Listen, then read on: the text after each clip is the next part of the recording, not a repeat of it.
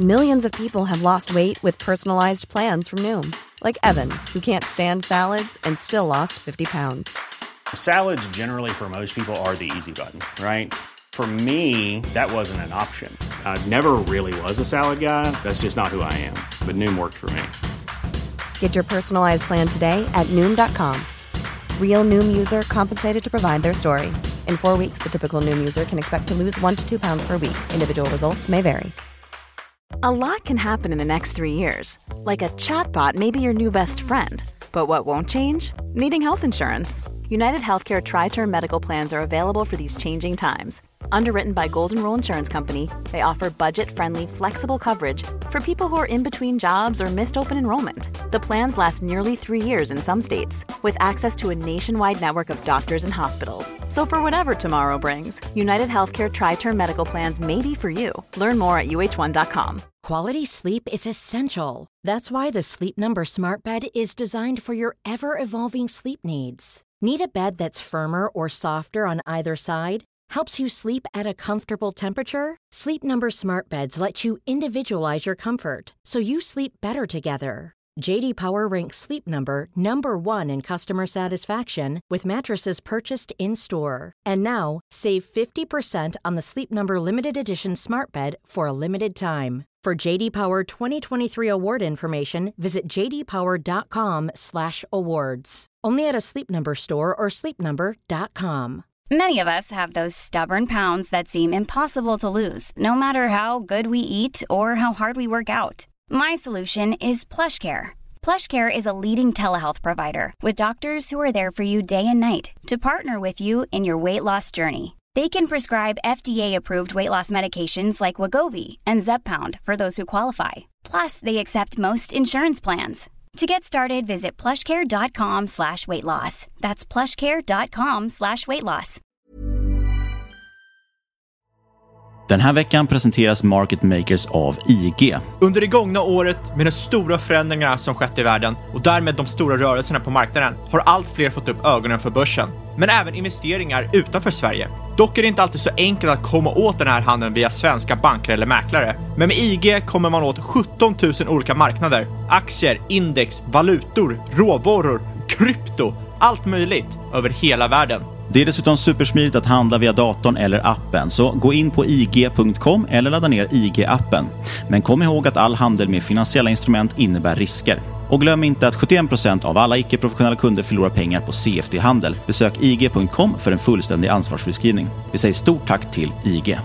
I'm amazed how many people own stocks. They, they would not be able to tell you why they own. They couldn't say in a minute or less why they own. Actually, you really press them down and say the reason I own this is the sucker's going up. There's enough cash in the financial system, and there's an infinite amount of cash at the Federal Reserve. An infinite amount Put of cash. Put that check in a money market mutual fund. Then we'll reinvest the earnings into foreign currency accounts with compounding interest, and it's gone. So they had to do something.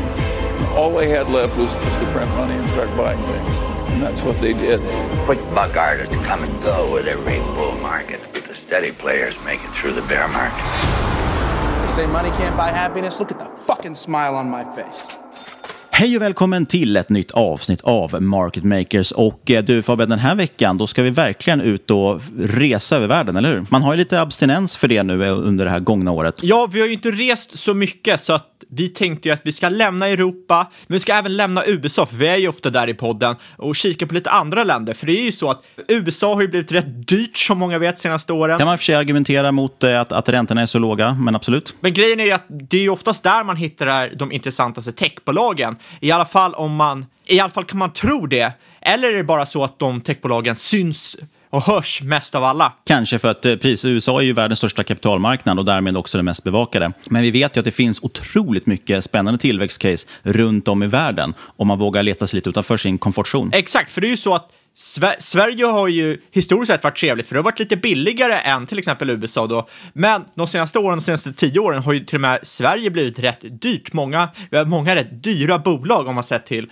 eh, ser till de klassiska måtten. Sen är det så här, såklart vissa sektorer, kanske iGaming, inte är lika eh, dyrt värderade. Men allt som allt så är även Sverige dyrt. Så det, det är lite intressant att kolla på lite andra typer av marknader. Och idag ska vi verkligen gå till en helt annan marknad, till ett land som jag personligen aldrig tidigare investerat i. Vi ska ju röra oss till Kazakstan av alla ställen. Vi ska ju nämligen kika på techjätten Kaspi. Ja, det där ska bli riktigt intressant. Kazakstan, kanske mest känt för filmen Borat, tyvärr. och jag tänkte säga att den här äh, helvetets porta, eller vad den kan kallas för på svenska, alltså den stora brinnande kratern ligger väl där. Men jag var tvungen att kolla upp det, den ligger i Turkmenistan och det är ju faktiskt ett helt annat land, även om det ligger hyfsat nära då kanske.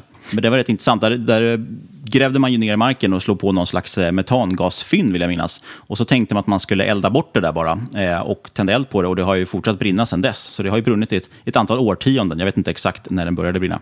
Men det har ingenting med dagens avsnitt att göra uppenbarligen, för det var ett helt annat land. Men vi kanske får återkomma till Turkmenistans finansiella marknader någon gång i framtiden. Har ni något bra tips där på aktiecase så skicka ett mejl till oss på podcast.marketmakers.se. Men oavsett om vi är Turkmenistan, Kazakstan eller Vasastan så är det ingen rådgivning eller rekommendation i den här podden. Vi berättar om vår process, hur vi tänker, gör alltid en egen analys och glöm aldrig att alla investeringar är förknippade med risk.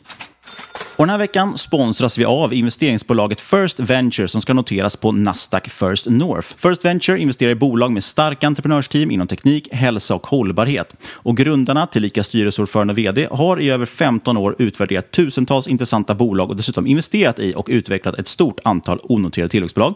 Till exempel foodtechbolaget Humble Group som numera är listat på just First North med en värdering över 4 miljarder kronor. Där var man med från start. Och nu ska alltså First Venture börsnotera sig och i och med detta så tar man in nytt färskt kapital att använda till nya intressanta investeringar utöver de nio befintliga portföljinnehaven. First Venture investerar i bolag som befinner sig i eller nära en kommersialiseringsfas, ofta med stark medvind i form av megatrender för att maximera potentialen att bli ledande inom sina respektive branscher. Så de här egentligen trenderna kring digital hälsa, foodtech, hållbar konsumtion och så vidare, det är områden man gärna investerar i. Besök first-venture.se för att läsa mer om First Venture, deras portfölj av onoterade investeringar samt förstås om den pågående börsnoteringen, där teckningsperioden pågår fram till den 23 juni. Vi säger stort tack till First Venture. Ja, som sagt, idag ska vi snacka om Kaspi. Och Kaspi är ju det här, det är en kazakstansk superapp som får heta duga. De har faktiskt över hälften av Kazakstans 18 miljoner invånare som användare av appen. Det är alltså Kazakstans version av WeChat. Och eh, inte bara har man hälften av befolkningen som användare utan management tror att man kommer få upp till 75 procent av befolkningen inom de kommande åren. Och det man nu ser är att appen har exploderat i popularitet de senaste åren och det ser lite ut som WeChat gjorde i Kina för tio år sedan. Man har 10 miljoner monthly active users och cirka hälften av de här använder appen på daglig basis.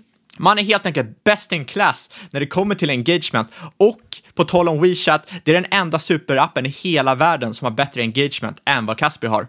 Ja, det, det, är otroligt imponerande att ha alltså hälften, mer än hälften av befolkningen som månatliga användare. Det kan inte vara jättemånga bolag i Sverige som ligger på de siffrorna, eller USA för den delen. Det ska ju tilläggas också, där man, man nämner att ens TAM, då, man tror att man kan få upp till 75 procent av befolkningen kommande åren. Eh, siffror från 2019, nu tror jag att det här går ju väldigt fort och exponentiellt, men från 2019 fall så såg jag att eh, då hade lite drygt 75 procent av Kazakstans invånare tillgång till internet. Så att man, man ligger ju liksom efter resten av världen i internetpenetration. Ganska många dessutom faktiskt också som fortfarande har rätt långsamma uppkopplingar. Men jag gissar på att det där förändras väldigt, väldigt snabbt. Så ser det i alla fall ut på tillväxtsiffrorna. Eh, så det här är superhett att komma in tidigt på en sån här, på en sån här marknad tror jag. Äh, absolut, och det är ju allmänt så, de flesta vet ju om det, att emerging markets, de laggar ju västvärlden i utvecklingen.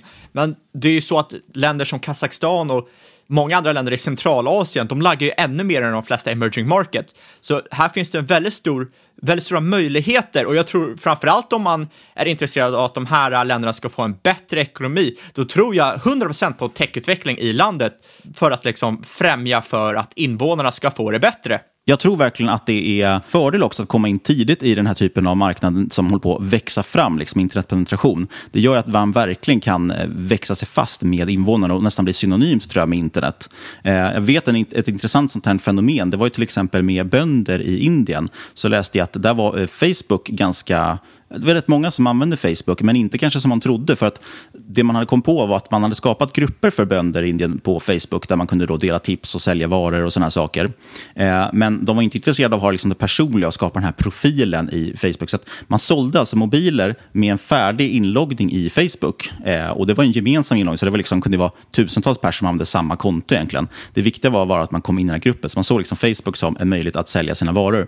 Så är det verkligen, och det där är jätteintressant att du tar upp det, för att vi som är uppväxta med internet sen barnsben, eller sen 90-talet och början på 2000-talet, när man inte hade de här centraliserade plattformarna, vi är ju rätt van, vana vid att man går in i en browser och söker fram de hemsidorna som man vill besöka. Men många ekonomier där internet kom senare, som eh, kom efter de här stora plattformarna hade etablerat sig, de ser ju kanske, de ser inte nödvändigtvis Facebook som en del av internet, utan de, kan, de ser Facebook som internet. Det är liksom inte som så att de går in på Google och söker fram Facebook och sen går in och sen går de till en annan hemsida. Hela deras dag kan spenderas i Facebook, för där får de all information de, de vill ha fram. Och nu tänker någon kanske så det är väldigt att, eh, intressant hur det där är olika olika. Ja, och nu kanske någon tänker att eh, ja, men det där låter ju inte så smart, varför, varför, varför blir det så där? Liksom? Men å andra sidan är det ju precis så det har blivit i väst också. För oss är ju Google internet i princip. Eh, det är väldigt sällan man, man går till en sida utan att först gå via Google. Och det var ju för att Google var den första riktigt bra sökmotorn. Innan var det Alta Vista, de här som man använde, och Yahoo. Men idag är det ju Google, är liksom, det är ju det som är internet. Eh. Men om vi hoppar tillbaka till Kaspi. De har tre huvudben idag som de står på. Dels är det betalning, det är marknadsplats och sen är det fintech. Jag tänker vi börjar med det här betalning slash payments. Och deras betalningssystem, det är Mobile First, eh, liknar väldigt mycket det som Kina har i sitt WeChat och Eh, det är i stort sett att Kaspi, de äger hela det här nätverket för betalning. Och under 2020 så eh, stod de faktiskt för 66 procent av alla nätverkstransaktioner i landet, vilket är helt galet. Och det här är högre än Alipay i Kina. Och ni kan ju tänka, vad använder vi i väst då? Vi använder ju Mastercard och Visa och liknande. Eh, men i, eh, i Kazakstan så använder de eh, nu Caspi, Det har inte all, alltid varit så. Caspi, de tar marknadsandelar så snabbt att man tappar hakan. För i juni 2019 så hade de 2% av den totala process eh, månatliga processeringsvolymen, det, det vill säga eh, nätverkstransaktioner. Och sen hade Visa och Mastercard 96 procent. Och i juni 2020, alltså ett år senare, då hade Kaspi de här 66 procenten och Visa och Mastercard tillsammans hade halkat ner på 28 procent. Så de gick alltså från 2 procent till 66 procent på ett år. Och det är givetvis för att marknaden, som Niklas säger, fortfarande är väldigt omogen. Men det är extremt imponerande att ett bolag kan skapa en helt ny form, från ingenting, skapa ett eget betalningsnätverk och eh, slå ut Visa Mastercard som är världens största spelare på det här. Helt sjukt coolt faktiskt. Eh, det som ska tilläggas där bara, som kan vara intressant att tänka på, det är ju just det här som annars är styrkan i Visa Mastercard. Just i det här fallet tappade de ju marknadsandelar. Men annars är det ju här som man ser styrkan i de här Visa Mastercard eh, som bolag. Att de, de gynnas ju liksom av internetpenetrationen när den ökar. Runt om i världen så är det ju alla former av betalningar på nätet går ju oftast via någon form av kreditkort. Så de brukar kunna rida på den vågen. Sen just i det här fallet då, så tappade de andelar eh, mot, till Kaspi. Då. Eh, men sjukt intressant. Payments är i stort sett uppbyggt av konsumentappen Caspi Pay och sen sin merchant-del som är alltså till folk som vill sälja saker. Konsumentappen Caspi Pay har idag cirka 8 miljoner användare, växer med cirka 60 procent year on year och eh, merchant-delen har strax under 50 000 merchants. Eh, och de tar emot betalningar då med Caspi Pay. Och den här delen är väldigt intressant för den växer med cirka 180 procent year on year. Det betyder att allt fler butiker vill ta in Caspi Pay så folk kan betala med Caspi Pay i mobilen, rakt i butiken. Eh, betalningsvolymen, som vi berättade tidigare, växer otroligt snabbt, 180 procent year on year. Och point of sales-system ökade från 9 procent market share till 46 procent market share på ett år. Och point of sales är alltså den delen i butiken som faktiskt tar emot betalningen. Så att de har i stort sett hälften av market share i Kazakstan på ett år. Intäkterna för det här benet låg på 120 miljarder kazakstanska tenge 2020 och det här är cirka 280 miljoner dollar. Vad står tengen eh, i just nu? Cirka, ja, typ 0,025. Ja, det är bra. Den ska man ha koll på tycker jag. Man ska ha koll på sin tenge. ja. ja men, men, men, jag tycker det är intressant. Intäkterna växer otroligt bra. Eh, växer med 80 year on year. Och det här är inte bara för att man växer kundbasen så starkt, utan också för att användandet växer starkt hos befintliga kunder. Så inte bara blir appen mer populär i landet, utan det blir också allt mer integrerat i folks liv. Och det vackra med en eh, superapp och äga en stor del av transaktionsmarknaden är att man får en extrem skala i de här tjänsterna och det leder också till extrem lönsamhet. Under 2020 så växte vinsten för betalningsbenet med cirka 130 procent till 145 miljoner dollar, men alltså en vinstmarginal på 50 procent. Och det, det är faktiskt helt otroligt. Eh, det, det, hade inte jag trott innan jag gick in och kollade på det här, speciellt när man jämför med eh, många amerikanska konkurrenter, där i stort sett vinsten slås ut på grund av konkurrensen, den stenhårda konkurrensen. Ja, det är tydligt att Kaspi är ju väldigt imponerande sett till tillväxt. Och det här är väl lite, det har blivit någon slags klassisk liksom, emerging markets super-app-play. Det finns ju ett gäng sådana här appar som är jättestora och liksom, ja, allomfattande i sin marknad, som är en marknad som kanske inte så många följer. Och det är väldigt intressant. Sen kanske man inte ska räkna med så här enorma tillväxtsiffror framåt. Eh, men så länge liksom internetpenetrationen ökar och folk eh, vänjer sig vid att handla på det här sättet så tror jag verkligen att man kan hitta riktigt intressanta case. Och jag tror att man ska in eh, antagligen ganska tidigt på deras resa också. Eh, och vi pratar nu om, om eh, liksom betalningar och payments och det är ju klassiskt, det har ju ofta de här bolagen om man jämför till exempel med Alipay och så vidare. Eh, men precis på samma sätt så har de ofta en marknadsplats och det har ju även faktiskt eh, Kaspi. De är ju till och med Kazakstans förstås största e-handelsmarknadsplats.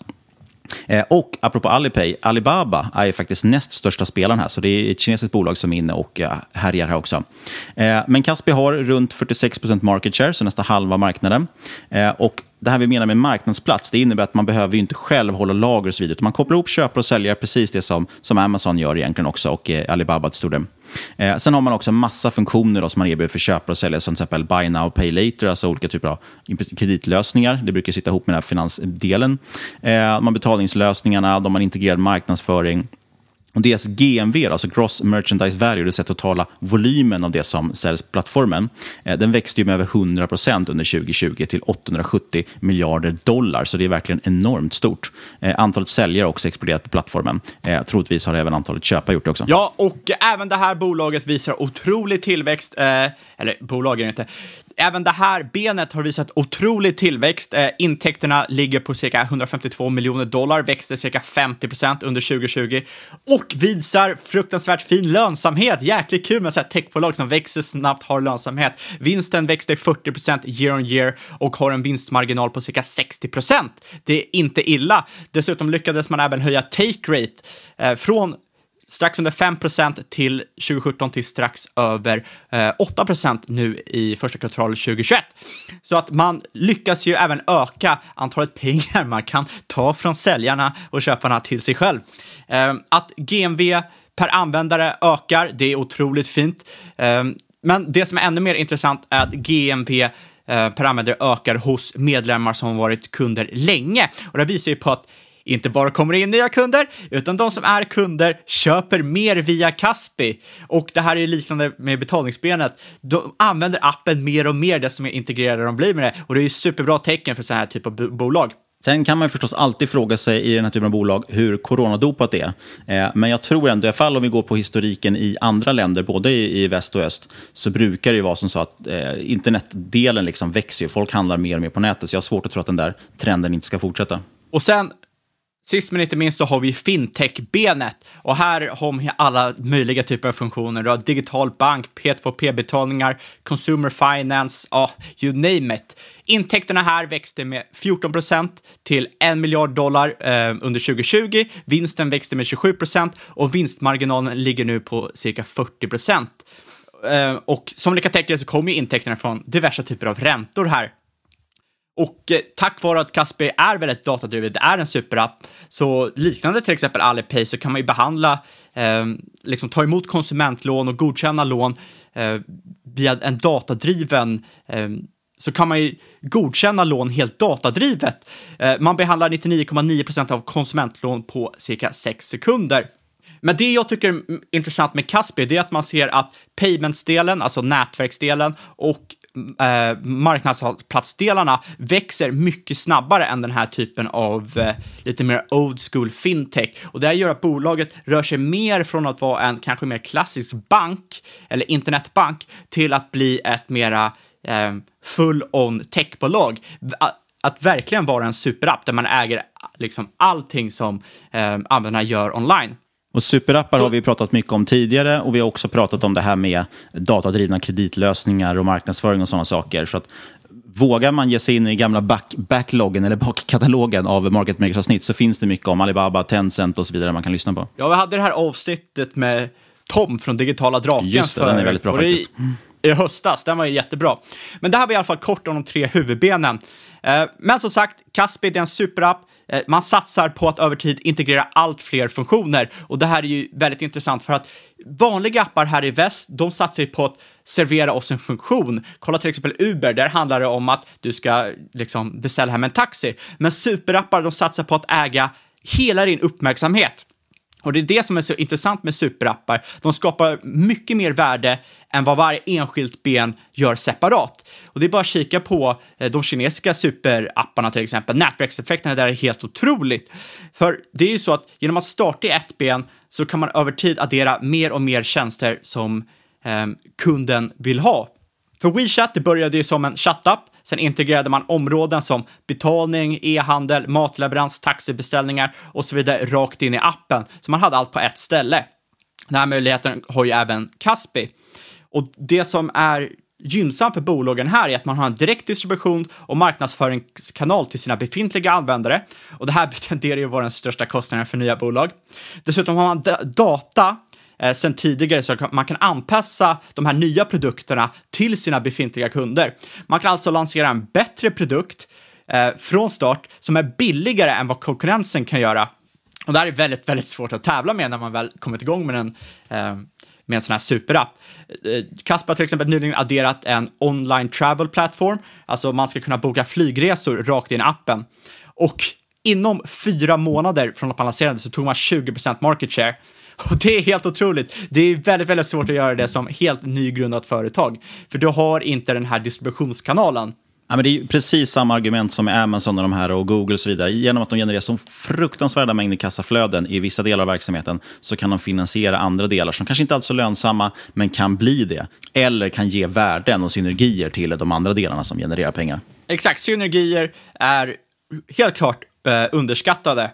Och summerar man fördelarna med de här superapparna, det är liksom nummer ett, fler integrerade produkter innebär högre value proposition, eh, innebär att man troligtvis kommer se en kundtillväxt framöver eftersom alla kunder får mer värde av att skaffa Caspi än de tre separata tjänsterna för att tjänsterna på Caspi antagligen kommer att vara bättre. Två, fler, eh, fler produkter ökar engagement i appen eftersom användarna använder appen mycket mer och längre eftersom det finns flera saker att göra där. Och nummer tre, fler produkter innebär ökad monetarisering eftersom det finns mer saker att lägga pengarna på i appen. Så det är en riktig wombo-combo att driva en sån här superapp. Men då är den stora frågan, vad händer i framtiden? Är resan över för Appi? De har redan växt väldigt, väldigt mycket. De har väldigt stor market share. Och jag tror inte att resan är över, för trots stark upprampning av online-marknaden i Kazakstan så stod Kaspi 2019 endast för 5,5 av landets retailhandel. Så även om det har dubblats eller tripplats sedan dess så finns det extremt mycket rum att växa, att växa här. Som vi sa i början, alla emerging markets-marknader laggar väst i e-handelspenetration. Och Kazakstan, ja, de laggar e de här emerging markets-länderna ännu mer så även fast man har nästan 50% market share av onlinehandeln så har man en väldigt liten del av den totala retailhandeln i landet. Det som är intressant är att det verkar inte riktigt som det här är coronadopat för att man ska alltid ta det management säger med en nypa salt, men management guidar för 90% tillväxt för payments eh, under 2021 och eh, payments det är ju en helt galen eh, stickiness i den typen av produkt. Sällan som folk byter sina wallets eller sin bank. Eh, det krävs en väldigt stor eh, liksom, konkurrensfördel för att folk ska överväga att byta över bank. De måste verkligen komma med något nytt, något väldigt speciellt. Och även det här området är väldigt underdimensionerat jämfört med många andra emerging markets-länder.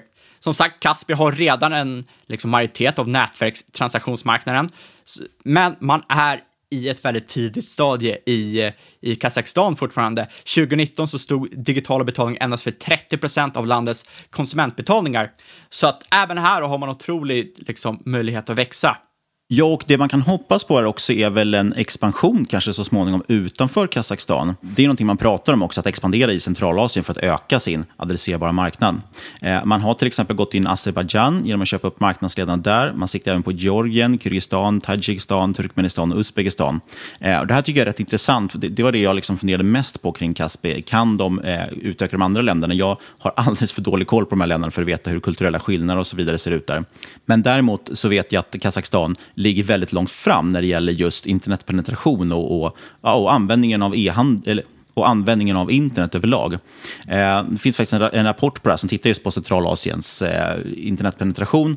Eh, och där ser man att Kazakstan är klara vinnaren. Jämför man med till exempel Tadzjikistan och Turkmenistan så har de kanske runt, ja, inte ens en tredjedel av befolkningen har idag internet och använder det regelbundet. Medan Kazakstan som sagt är upp över 75 procent någonting. Dessutom så har man väldigt mycket smartphones i Kazakstan också. En majoritet av befolkningen har en smartphone idag. Eh, och det leder ju med sig massvis med saker. Till exempel då får det med sig eh, det här med, med man brukar prata om det unbanked eller liksom underbanked som vi pratade om i tidigare avsnitt. Så här, folk, väldigt få har ju tillgång till finansiella tjänster och bank, banktjänster helt enkelt. Men det ökar också när man kan nå ut med, till dem via en smartphone. Och i och med att Kasper själv sitter på liksom, ja, men kreditdelar och betalningslösningar och så vidare så, så finns det enorma möjligheter för dem. Och där tror jag verkligen, kan man verkligen växa starkt i, i Kazakstan, ja, då förhoppningsvis kan man, kanske kan man också ta sig in i länderna runt omkring. Antingen genom att expandera själva, eller som man har gjort där i Azerbajdzjan, att man köper upp marknadsledarna där.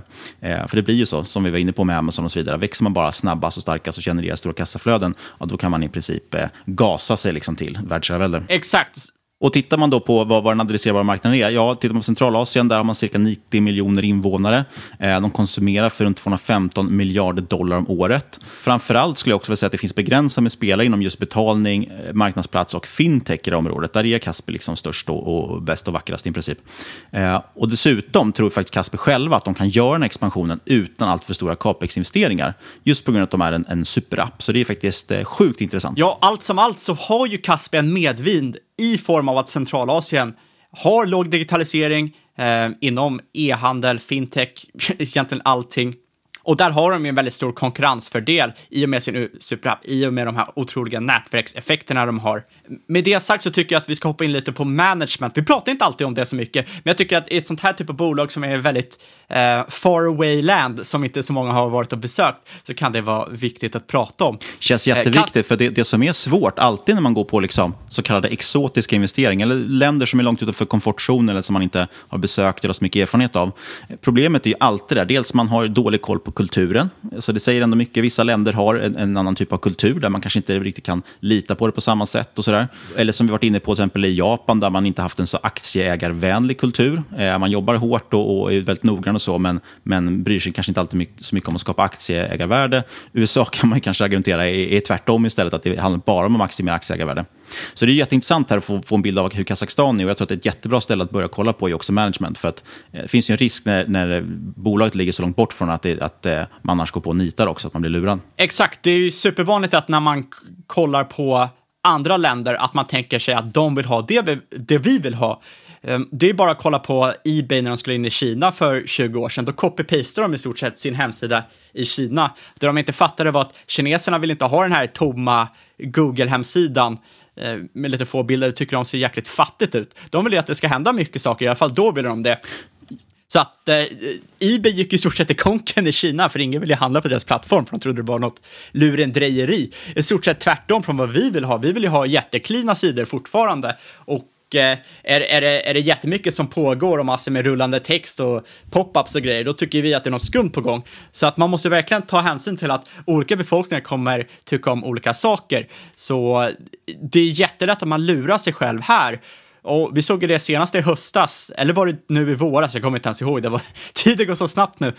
Men då väldigt många amerikanska investerare skulle in i CDON. Och det är inget fel på det nödvändigtvis, men de applicerade en amerikansk mentalitet av att alla ville handla via en marknadsplats eh, i USA och sa att vi i Norden, eftersom vi inte hade någon ledande marknadsplats, så var vi väldigt underdimensionerade digitalt sett. Men Norden är ju liksom en av de mest digitaliserade zonerna i i världen. Så att det var liksom, det var en väldigt, eh, enligt mig en stor feltolkning av hela det caset. Ja, och eh, sen dessutom, så du nämnde lurendrejeri där, det är också en sak att ta hänsyn till att när det är investeringar i länder långt, långt bort som man kanske inte kan så väl, eh, så förekommer det ibland också tyvärr bedrägerier, speciellt när det finns eh, villigt kapital. Vi såg ju det inte minst när den här dokumentären China Hustle kom, eh, som är väldigt intressant, som handlar om kinesiska aktiebedrägerier mot amerikanska marknaden. Den uppmärksammade väldigt mycket.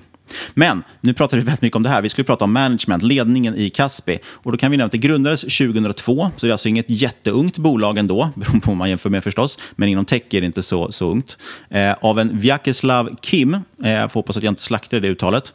Eh, men man började egentligen mer på riktigt, inom citationstecken, då PE-firman Baring Vostok kom in i bilden 2006. Sen har vi också vdn och medgrundaren Mikael Lomtadze. Jag vet inte varför vi ska uttala namnen, de här extremt svåruttalade namnen för mig. Eh, men han kom med i bolaget i alla fall 2007. Eh, och Kim och Lomtadze de driver fortfarande det här bolaget tillsammans. Så det är ett ägarlätt bolag, så att säga, eller grundarlätt bolag säger man. De två, plus då det här eh, Baring Vostok, äger också stor del av bolaget. Så det är lite det här pilotskolan. Och, och, generellt, stor del av ledningen Kaspi har varit med länge. I över ett årtionde har många suttit i det här bolaget, vilket såklart är kul. Eh, tyder på någon form av kanske långsiktighet. Eh, många har dessutom bra bakgrund om man kikar på deras CV och tidigare erfarenheter. Och framförallt det som är väldigt intressant är att det finns ett stort insiderägande, så man har alltså ledningen på samma sida som sig själv som aktieägare. Med det sagt så tycker jag att vi hoppar in lite på värderingen, för det är egentligen superviktigt. Eh, ännu viktigare kanske i amerikanska och svenska bolag är värderingen kring de här eh, exotiska bolagen. Och man har nyligen... det, det är ju framförallt därför man söker sig till de här marknaderna, för att hitta saker som kanske är lite underanalyserade och därmed lite för billiga. Och man har nyligen rapporterat första året som listat bolag och man landade på hela 43% tillväxt i vinst. Ja, ni hörde det här rätt. Inte omsättning, utan i vinst. Och det är väldigt ovanligt för sådana här typer av techbolag. Man har en bruttomarginal på 69% och en vinstmarginal på 42,0% Nice. Eh, med, de fyra, med de senaste fyra år som facit så guidar man nu för en 90 eh, tillväxt i payments, 100% tillväxt i GMV, 100% tillväxt för fintech samt 50% tillväxt i vinst för 2021. Det är inte illa pinkat på de siffrorna. Och eh, det är högt, men det är inte särskilt aggressivt om man ser på historiken. Kaspi själva tenderar på, på det här att under promise men over deliver. Och då kan man ju ställa sig frågan, ja det här växer sinnessjukt bra, det eh, har extremt hög lönsamhet, det måste ju vara dubbelsiffrig PS på det här. Det är dubbelsiffrigt, men det är inte PS. För hela bolaget handlas för PE 18. Eh, du köper alltså ett bolag till ett kagger på 45% med vinst på över 40% till P 18 för estimat 2021. Det är rätt Det är rätt faktiskt helt otroligt. Och inte bara så handlas det till PE 18, de betalar även ut en 4% i utdelning.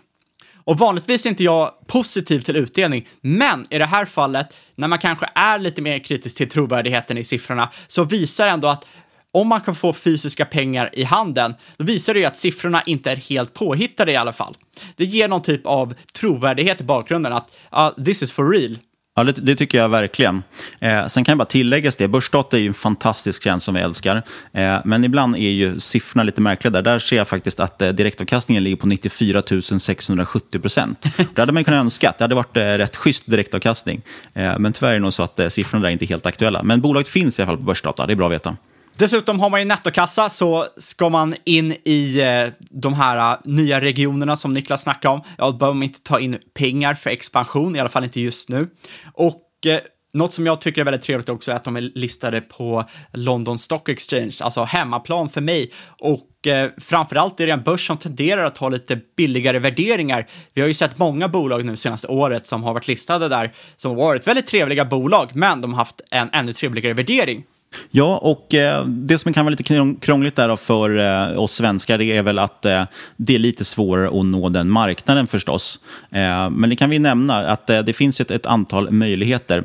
Eh, de flesta faktiskt aktiemäklare, alltså som Avanza, Nordnet och så vidare, de erbjuder handel på, på Londonbörserna. men oftast då får man ringa in till mäklarbordet och då blir det lite högre courtage, vilket man får ta hänsyn till. så att man brukar kunna ringa in till dem. Sen kan man också kika in DeGiro, som är en holländsk aktör, som är väldigt smidig, framförallt om man vill ha tillgång till just så lite exotiska marknader som vi säger. Eh, London räknas ju faktiskt märkligt nog in i det med exotiska marknader också. Men där finns den. Eh, sen finns den faktiskt också hos vår sponsor IG. De har också CFD då, mot eh, Kaspi faktiskt. Och sen som eh, vi snackade om tidigare, det finns såklart risker i det här bolaget och tycker inte man ska sticka under stolen med. Med 90 000 procents direktavkastning finns det väl inga risker? Först och främst tycker jag man ska nämna att det finns ju en valutarisk, det finns en makrorisk. Eh, regionens eh, ekonomi, alltså Kazakstans ekonomi, är väldigt beroende av olja och gas. Du har alltså du är utsatt för råvarucykler, eh, inflation, Kazakstans treasury rate är 9% och det måste man ta hänsyn till när man jämför direktavkastningen. Eh, sen, inte minst politisk risk i den här eh, regionen, speciellt som svenskar är det nog väldigt svårt att få insyn i den politiska risken här. Eh, framförallt så har jag läst lite om att management, eller en av vdn har haft en, tidigare varit knuten till förra presidentens brorson. Så det är frågan där, finns det någon korruption där mellan någon länk där som man borde vara varsam för? Kazakstan ligger också väldigt lågt i de här så kallade demokratirankingarna, så det är liksom inte riktigt det bästa landet för demokrati. Å andra sidan är det många som handlar i Kina också, det är väl inte det bästa landet för demokrati heller. Eh, så det är liksom två, två av de främsta riskerna. Sen har du ju liksom kreditrisker, du har ju expansionsrisker. Ja, och, och som du, du, nämnde inflation där, men det kan vi bara för protokollet skulle säga att de har haft mellan 5 till 7 procents inflation de senaste fyra åren. Eh, så det är någonting man får ta med i beräkningen också, att det är ganska kraftig inflation. Eh, däremot så ser det ju inte lika illa ut som typ Turkiet där det fullständigt skenat iväg och valutan kraschat. Eh, men man vet som sagt aldrig, men det är väl så generellt, alltså det är därför man också pratar om det här som jag säger, återigen, exotiska bolag. Jag gillar inte det uttrycket, men det, det får ju med sig en del saker. Till exempel att man, man kanske inte går all in i den här typen av bolag, utan man, man tar det som en, en form av krydda kanske i portföljen. Men en väldigt intressant krydda å andra sidan. Och kanske, det man kanske ska göra, det är väl att sprida eh, i sånt fall investeringarna på många sådana här olika aktörer runt om i, i spännande marknader. Då diversifierar man ju bort en, en hel del av riskerna. Exakt. Och jag tycker... Eller minimera skadan snarare, om det verkligen skiter sig i något av dem. Exakt, och jag tror verkligen att när det kommer till de här bolagen, även om de växer dubbel eller till och med tri äh, eh, trippelsiffrigt i vissa ben här, så ska man ju ta hänsyn till den här risken och man vill nog försöka hitta bolag till en billigare prislapp än vad det kanske skulle gjort i Sverige eller USA för att du måste ändå prisa in potentiell risk. Det är ju en av anledningarna varför många kinesiska bolag handlar så billigt just nu, för att det finns potentiell risk att äga dem. Men ska man försöka sammanfatta det här otroligt intressanta bolaget då, då uh, vi har en helt galen superapp här Slår man samman till exempel Si med Mastercard och Amazon, ja, då har man ju Kaspi.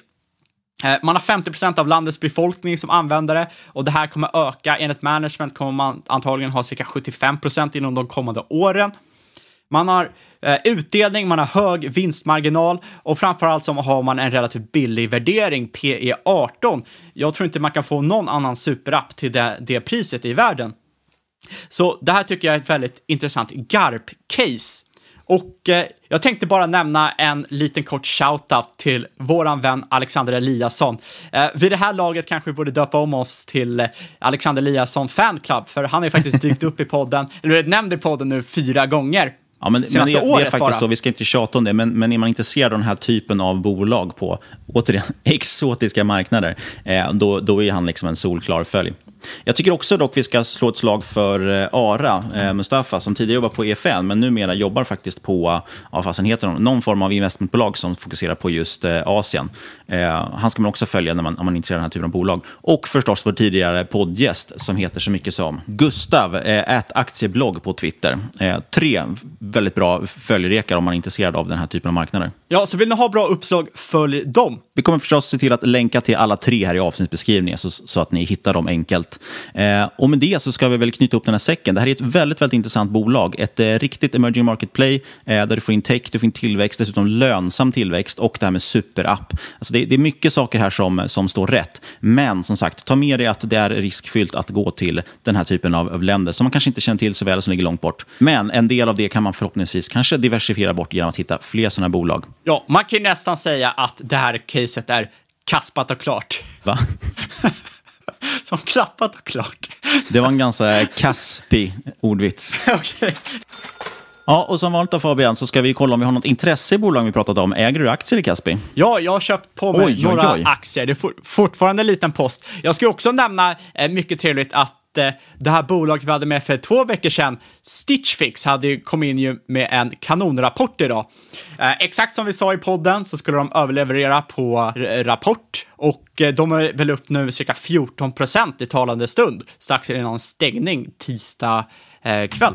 Kul. Handlar du Kasper via någon eh, engelsk mäklare då också, eller vad, vad går du via? Ja, jag går via en engelsk mäklare så att det är tyvärr inte möjligt för svenskar att leta sig dit. Nej, men som sagt, för svenskar finns det andra alternativ. Man ringer antingen till sin vanliga nätmäklare, men får betala lite mer courtage. Man kan kika in DeGiro, eller såklart så besöker man vår sponsor IG.com, som faktiskt har Kaspi eh, att handla via CFD. Då. Eh, vi säger stort tack till IG.com. Vi säger också stort tack till First Venture. Besök first-venture.se för att läsa mer om deras börsnotering och portföljinnehaven. Och vi vill som vanligt påminna att inget hört om i den här podcasten ska ses som rådgivning. Alla åsikter är våra egna, eller vår gäst och eventuella sponsorer tar inget ansvar för det som sägs i podden. Tänk på att alla investeringar är förknippade med risk och sker under eget ansvar. Gillar ni risk? Gillar ni bolag? Kontakta oss på podcast at marketmakers.se eller på Twitter at marketmakerspod, då ni även kan följa oss. Och vi lägger upp mycket roligt, smått och gott. Ehm, så det är alltid bra att följa oss. Dessutom ser det ut som vi är coola med många följare. Glöm inte bort det. Lämna gärna recension på iTunes också så vi fortsätter klättra i rankingen. Det kanske är onödigt. Vi är ju trots allt den enda podden i världen. Finns inga andra att lyssna på. I alla fall den enda som behandlar kazakstanska bolag tror jag. Exakt! Sist men absolut inte minst, vad vill vi säga då Niklas? Så stort, stort tack för att du har lyssnat, kära lyssnare. Vi hörs igen om en vecka.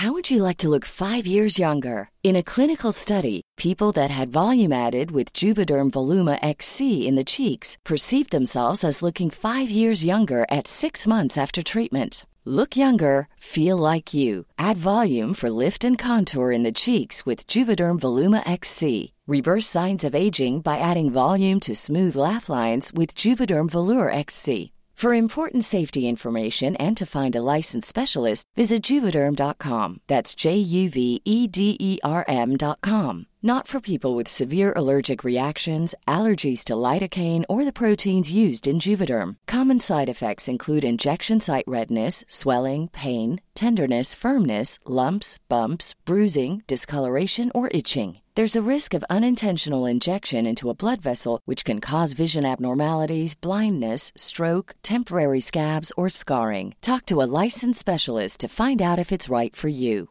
Cool fact a crocodile can't stick out its tongue. Also, you can get health insurance for a month or just under a year in some states. United Healthcare short term insurance plans, underwritten by Golden Rule Insurance Company, offer flexible, budget friendly coverage for you. Learn more at uh1.com. Since 2013, Bombas has donated over 100 million socks, underwear, and t shirts to those facing homelessness. If we counted those on air, this ad would last over 1,157 days. But if we counted the time it takes to make a donation possible, it would take just a few clicks. Because every time you make a purchase, Bombas donates an item to someone who needs it. Go to bombas.com slash ACAST and use code ACAST for 20% off your first purchase. That's bombas.com slash ACAST, code ACAST. Hiring for your small business? If you're not looking for professionals on LinkedIn, you're looking in the wrong place. That's like looking for your car keys in a fish tank.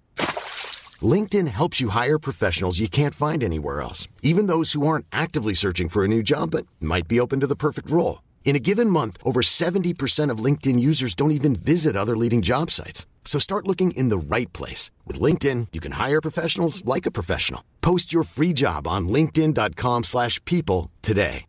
Quality sleep is essential. That's why the Sleep Number Smart Bed is designed for your ever evolving sleep needs. Need a bed that's firmer or softer on either side? Helps you sleep at a comfortable temperature? Sleep Number Smart Beds let you individualize your comfort so you sleep better together. JD Power ranks Sleep Number number 1 in customer satisfaction with mattresses purchased in-store. And now, save 50% on the Sleep Number limited edition Smart Bed for a limited time. For JD Power 2023 award information, visit jdpower.com/awards. Only at a Sleep Number store or sleepnumber.com. Hi, I'm Daniel, founder of Pretty Litter. Did you know cats tend to hide symptoms of sickness and pain? I learned this the hard way after losing my cat, Gingy. So I created Pretty Litter, a health monitoring litter that helps detect early signs of illness by changing colors, saving you money and potentially your cat's life. Pretty Litter is veterinarian developed, and it's the easiest way to keep tabs on your fur baby's health right at home. Go to prettylitter.com and use code ACAST for 20% off your first order and a free cat toy. Terms and conditions apply. See site for details. Hey, it's Paige DeSorbo from Giggly Squad. High quality fashion without the price tag? Say hello to Quince. I'm snagging high end essentials like cozy cashmere sweaters, sleek leather jackets, fine jewelry, and so much more. With Quince being 50 to 80% less than similar brands. And they partner with factories that prioritize safe, ethical, and responsible manufacturing. I love that. Luxury quality within reach. Go to quince.com slash style to get free shipping and 365 day returns on your next order. Quince.com slash style. Mom deserves the best, and there's no better place to shop for Mother's Day than Whole Foods Market. They're your destination for unbeatable savings, from premium gifts to show-stopping flowers and irresistible desserts. Start by saving 33% with Prime on all body care and candles. Then get a 15-stem bunch of tulips for just $9.99 each with Prime. Round out Mom's menu with festive rosé, irresistible berry chantilly cake, and more special treats. Come celebrate Mother's Day at Whole Foods Market.